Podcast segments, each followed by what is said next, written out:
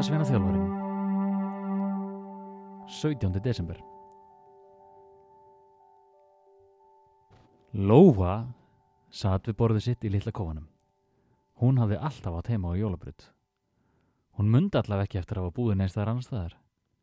Hún þekkti ekkert annað en lífið og skarkalan í jólasveinunum og árslangan og eilífan jólaundubúningin. Þarna var gott að búa, stanslös gleði og glöymur. Lóa gengdi hennum ímsu hlutverkum í litla jólaþorpinu. Þegar hún satt hana við borðið sitt var hún til dæmis móttökurritari. Það þýtti að hún átt að skrifa niður hverjir komi heimsókn og taka mótið þeim en hún hafði reyndar afar sjaldan þurft að taka mótið gestum. Hún skrifaði sára sjaldan. Hann teiknaði kannski myndir og litaði. Það var eiginlega bara eitt sem hún gerði ekki og það var að vera jólasveinn. Það gatt hún að þetta ekki. Það var ekki bara allt í einu hægt að bæta einum jólasveini við.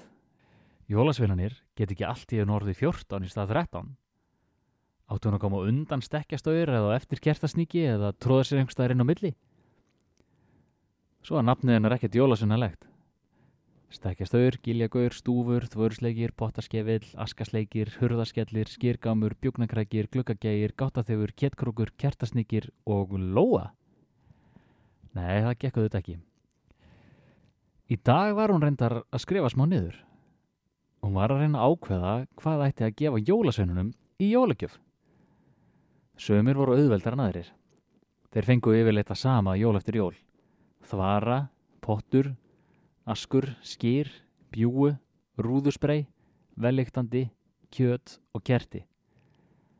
Það var ekkert sérstaklega flókið. Jólasveinunir voru alltaf hæst ánaðir. Þá eru bara fjórir eftir, en nú vandast málið. Lóa hugsaði söm. Stekja staur, jókadína, já, príðilegt. Stúfur, nýjir skór, hann er alltaf að týna sínum. Þá eru bara tveir eftir, giljagaur og hurðaskellir. Það er ekki hægt að gefa gil og ekki færa hann að pakka einn heitli hurð. Nú veit ég, þeir fá bók. Það er alltaf gaman að fá bók í jólugjöf.